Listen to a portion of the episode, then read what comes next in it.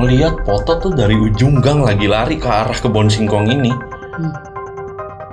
nggak tahu apakah itu beneran dia atau enggak tapi pada saat malam itu itu tuh adalah seribu harinya dia Oh kayak ada orang di baliknya gitu ya. Ah, ah, enggak dan akhirnya aku lihat tangan Hai, Hai. selamat datang di podcast Sening. Kenapa kita lemas ya teh? capek. Karena kita masuk ke horror session. harus ngomongnya harus gini ya Iya.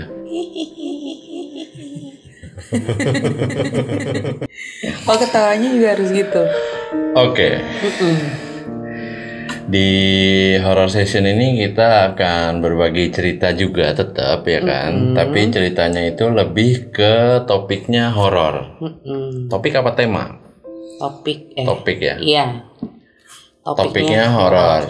Jadi cerita yang akan diangkat berasal dari eh, kejadian-kejadian mistis, yang pernah kita alami mistis bin horor yang pernah kita alamin ya. which is ini benar-benar pengalaman pribadi yang terjadi itu Iya. Eh, siapa dulu nih? Teteh dulu deh. Eh, aku dulu Nah, kita punya cerita horor. Sebenarnya punya cerita horornya banyak. Hmm. ini nggak tahu kelebihan atau kekurangan gitu ya. Jadi lumayan beberapa kali lah di dalam hidup itu ngejalanin kejadian-kejadian mistis gitu. Iya. cuma sekarang yang mau di share itu kejadian pas eh, awal aku kerja lah Hmm. Nah, makanya orang tuh suka bilang juga jangan terlalu capek gitu. Kalau Iya. capek nanti kenapa-kenapa suka gitu kan. Jadi suatu hari itu ceritanya aku memang dalam kondisi capek gitu. Iya. Pulang kerja capek banget, udahlah udah selesai beres-beres, terus udah udah rebahan di tempat tidur. Nah, posisi tempat tidur saat itu tuh deket sama jendela gitu. Mepet gitu ke jendela. Udah di rumah nih. Udah di rumah ceritanya, kan udah di posisi tempat tidur tadi. Kirain di tempat tidur kantor gitu.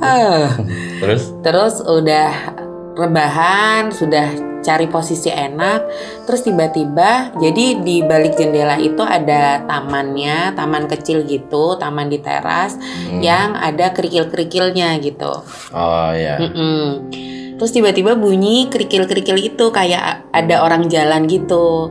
Krik kresek krik kresek gitu. Terus habis itu ih ada siapa ya? Which is aku tahu kalau karena itu cuman taman teras gitu dan memang dilewati hanya pada saat pagi atau sore pada saat penjaga di rumah nyiramin gitu. Iya. Sementara itu tengah malam, aku inget sih tengah malamnya itu menjelang jam 12 gitu gitu kan. Kok ada yang lewat-lewat gitu. Terus aku buka korden jendela. Ternyata nggak ada siapa-siapa gitu. Hmm. Tapi Ya udahlah. posisinya di rumah ada siapa aja emang? Ada papa mama kala itu. Oh. Cuma kan di kamar yang lain. Ini bener-bener di kamar aku gitu. Terus udah nih rebahan lagi, bunyi lagi. Hmm. Srek-srek kayak gitu. Aku buka jendela lagi gitu.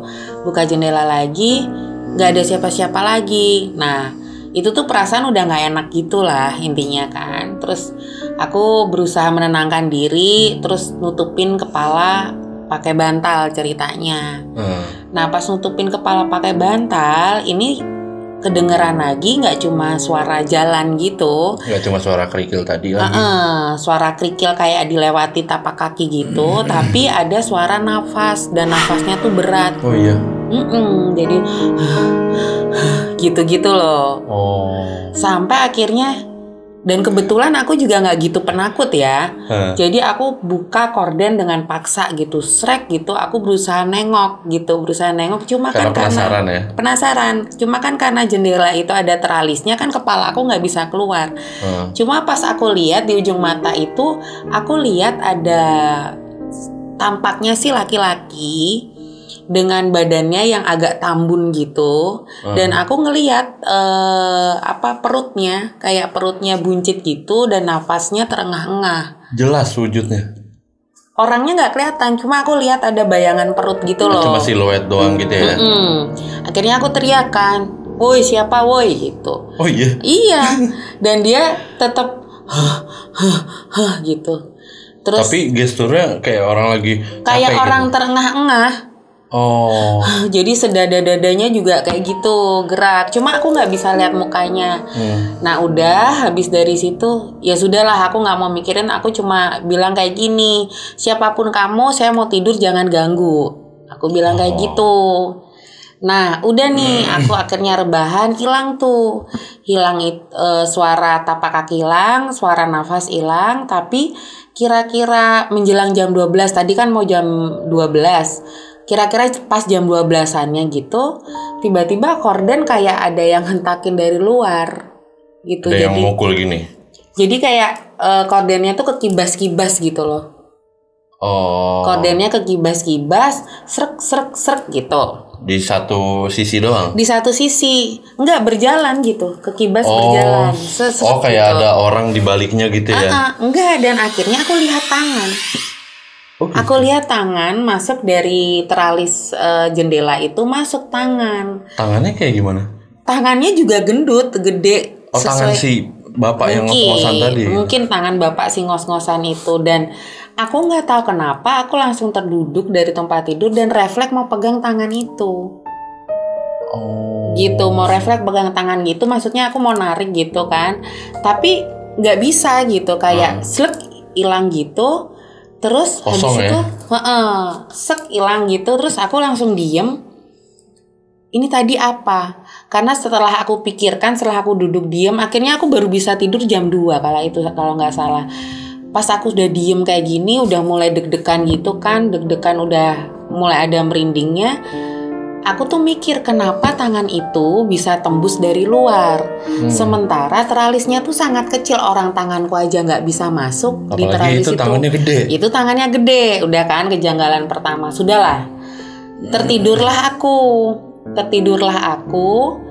Tapi kira-kira cuma kayak tidur ayam gitu. Set tiba-tiba pintu jadi kan pintu di kamar itu tembus kamar yang satunya lagi jadi ada connecting door-nya gitu Oh, iya. kamarku. Dulu aku punya kamar tuh selalu masing-masing anak kamarnya dua. Kamar sebelah tuh kayak kamar ruang kerjanya kamar sebelah buat kamar tidurnya. Nah antara ruang kerja sama kamar tidurku itu ada connecting door. Terus kuncinya yang pakai selongsongan ceritanya Oh, yang nih. cek nih gitu ya. nah selongsongannya tuh hilang Oh, jadi cuma ininya doang. Ah, ah. enggak justru tempatnya doang Oh, tempatnya doang. terus aku sesepin pakai pensil nih ceritanya Hmm. aku sesepin pakai pensil supaya ketutup nah itu bunyi kretak tak tak tak tak tak tak tak tak tak tak tak tambah kenceng gitu cerut gitu tuh terus aku langsung keduduk ngelihat pintu gantian ngelihat pintu refleks buka korden dulu udah nggak ada apa-apa tek tek tek tek. Semakin aku liatin tuh goyangan pensilnya itu semakin kenceng ceritanya semakin Hmm. kenceng cerut cerut gitu sampai akhirnya itu apa namanya pensil terjatuh Sampai pensilnya jatuh karena goyang Iya. terus tuh deg deg deg deg. Dan itu yang aku buat selongsongan tuh pensilnya lumayan panjang loh. Jadi proses dia gini apa cek cek cek cek cek, cek, cek gitu tuh Hmm. lumayan sekian detik lah. Dari di tempat tidur aku sampai akhirnya berdiri.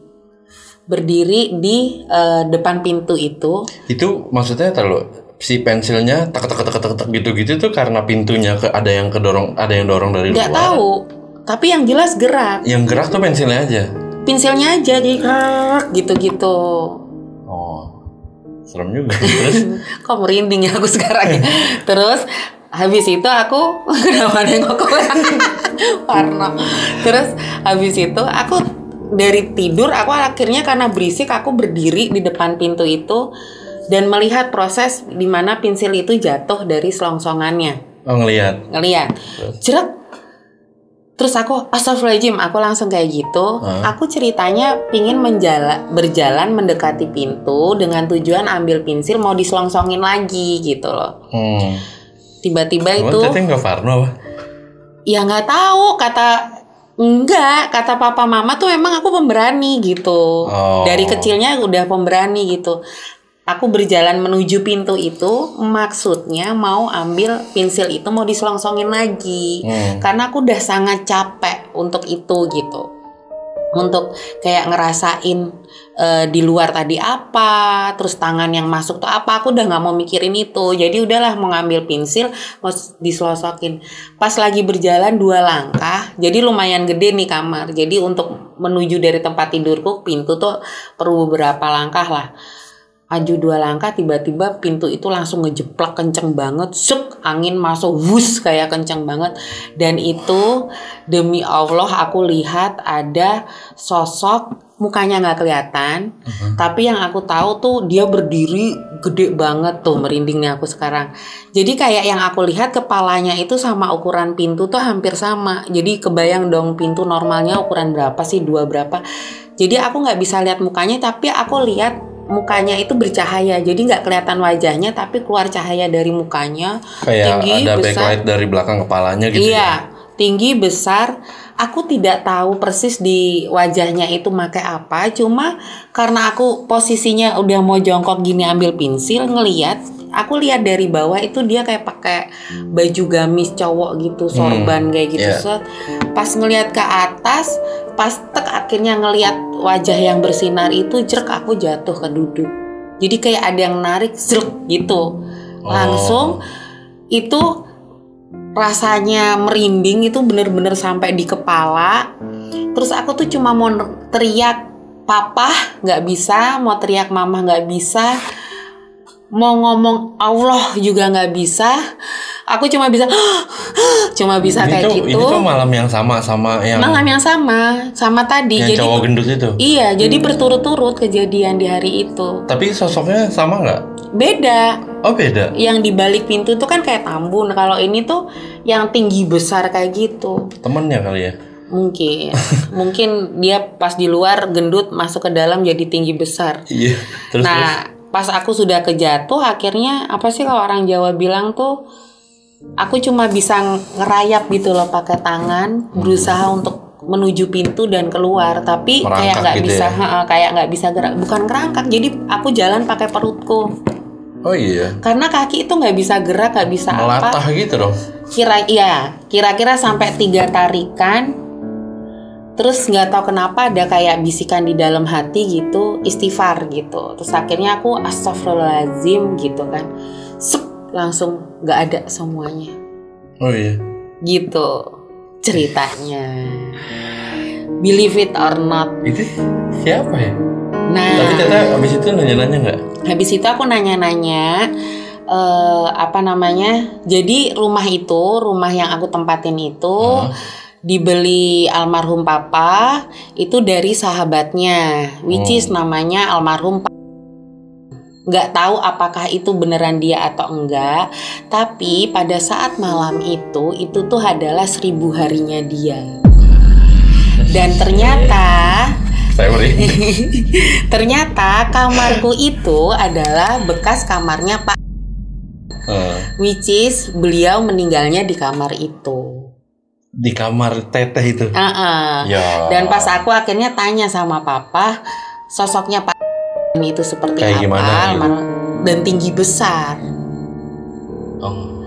tinggi besar. Terus beliaunya itu katanya nggak ada, meninggalnya tuh karena sesak nafas, which is nafas berat yang aku dengar Ya. Tapi kemudian aku simpulkan sendiri gitu ya. Simpulkan sendiri nafas berat itu adalah nafasnya beliau dan dia menunjukkan hanya ingin menunjukkan eh, di pintu itu bahwa dia baik-baik saja gitu. Ya sudah, aku menyimpulkan begitu gitu. Terus kalau ditanya apakah besokannya Parno? Enggak.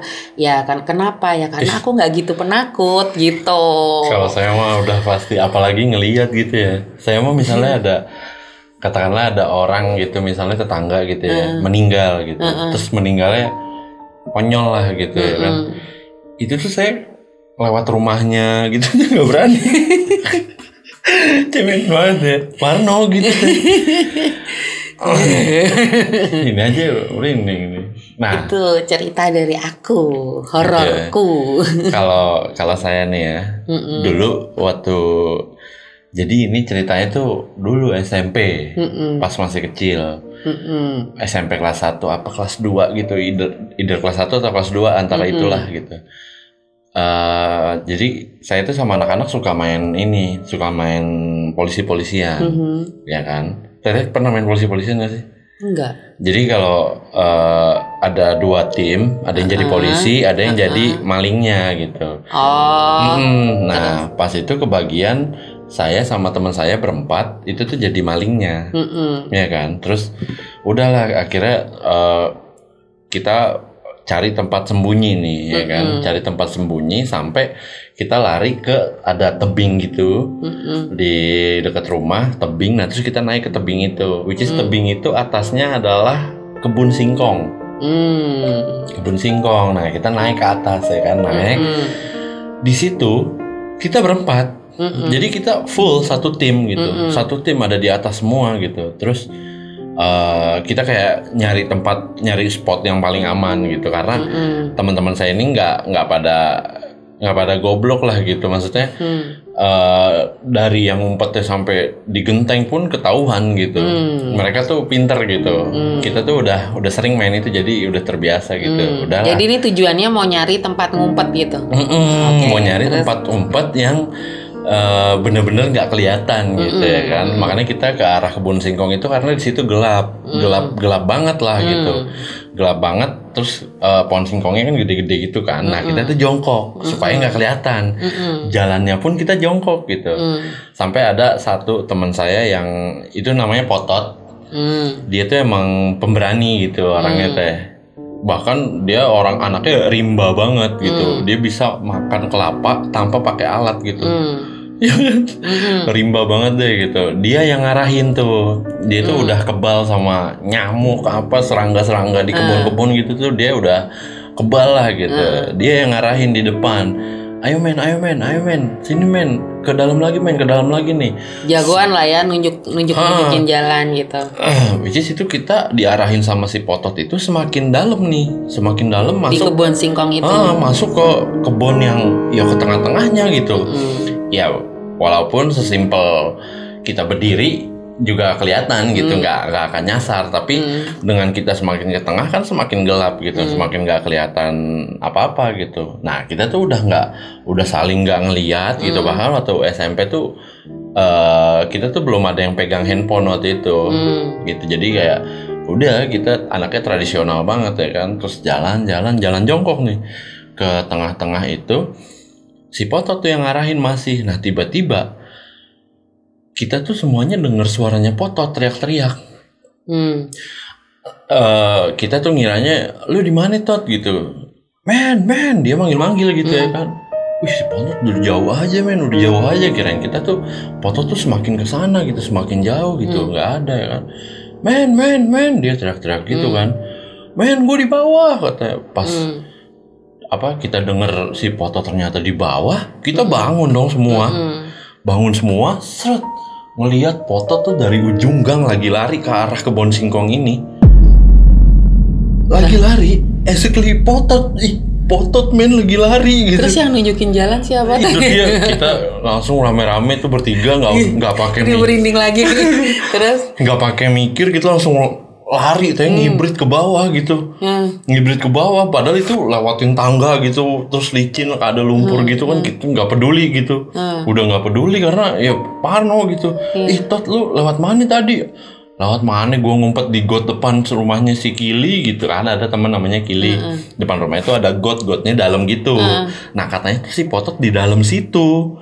Cuma anak-anak kita bertiga kan emang arahnya ke pohon kebun singkong Heeh. ternyata si Potot di situ nungguin gitu Oh. di got itu dia nungguin akhirnya kita nggak ada makanya dia nyari kita gitu Hmm. terus dia lari-lari tuh ya dia teriak-teriak nyari kita di mana gitu Hmm. men men gitu Hmm. terus langsung Berarti prosesnya lama dong kan dia ngarahin ke sini men, sini men itu kan iya jadi kayak semakin ke dalam si- semakin dalam tadi. Ah, dong. sosok yang Hmm. apa menjadi potot itu ngarahin kita kayak ke da- jadi ini nih kebun singkong Hmm. Nah di sini tuh di sini tuh ada kayak kampung gitu gitu. Semakin kita ke dalam tuh kita ke arah kampung itu. Hmm. Nah sebelum kampung itu ada pohon bambu. Hmm. Habis pohon bambu Hmm. ada kuburan. Hmm. Nah baru habis kuburan kampung gitu jadi posisinya. Nah kita tuh udah diarahin mau ke pohon bambu itu loh. Karena pohon singkongnya, eh kebun singkongnya juga nggak terlalu lebar-lebar banget gitu. Hmm. Udah kita diarahin situ, wah udah abis itu langsung udahan tuh mainnya. langsung udah, wah gila ini sih parah anjir udah nggak. Berarti kalau kamu pada ketemu temenmu dicek dulu beneran temennya apa enggak? Iya. Iya kan, ternyata bisa kejadian kayak gini. Iya, itu asli horor banget sih. nah, kira-kira gitu pengalaman horor kita yang pernah kita alamin. Eh, dari Mbak Yani satu, dari gua satu. Mhm. Kalau kalian punya pengalaman horor yang hampir mirip, serupa gitu ya kan, boleh komen-komen di bawah. Eh, menurut kita itu lumayan horor sih kejadiannya gitu. Iya, nggak lumayan sih. Orang aku sampai ngerayap kok. Iya bahkan diceritain sekarang tuh masih merinding gitu. Masih merinding kalau masih, nginget masih kerasa energinya ya. Mm-mm. Oke sekian dulu podcast Hening Horror Session untuk episode pertama nih teh perdana ya kan kita bikin horror session. Eh, jangan lupa subscribe dan dengerin kita di Spotify dan di platform-platform podcast juga yang lain. Yap. Oke terima kasih sudah menonton video ini. Sampai jumpa. Dah. Dah. Kok merinding ya jadinya? Iya saya juga. Kok jadi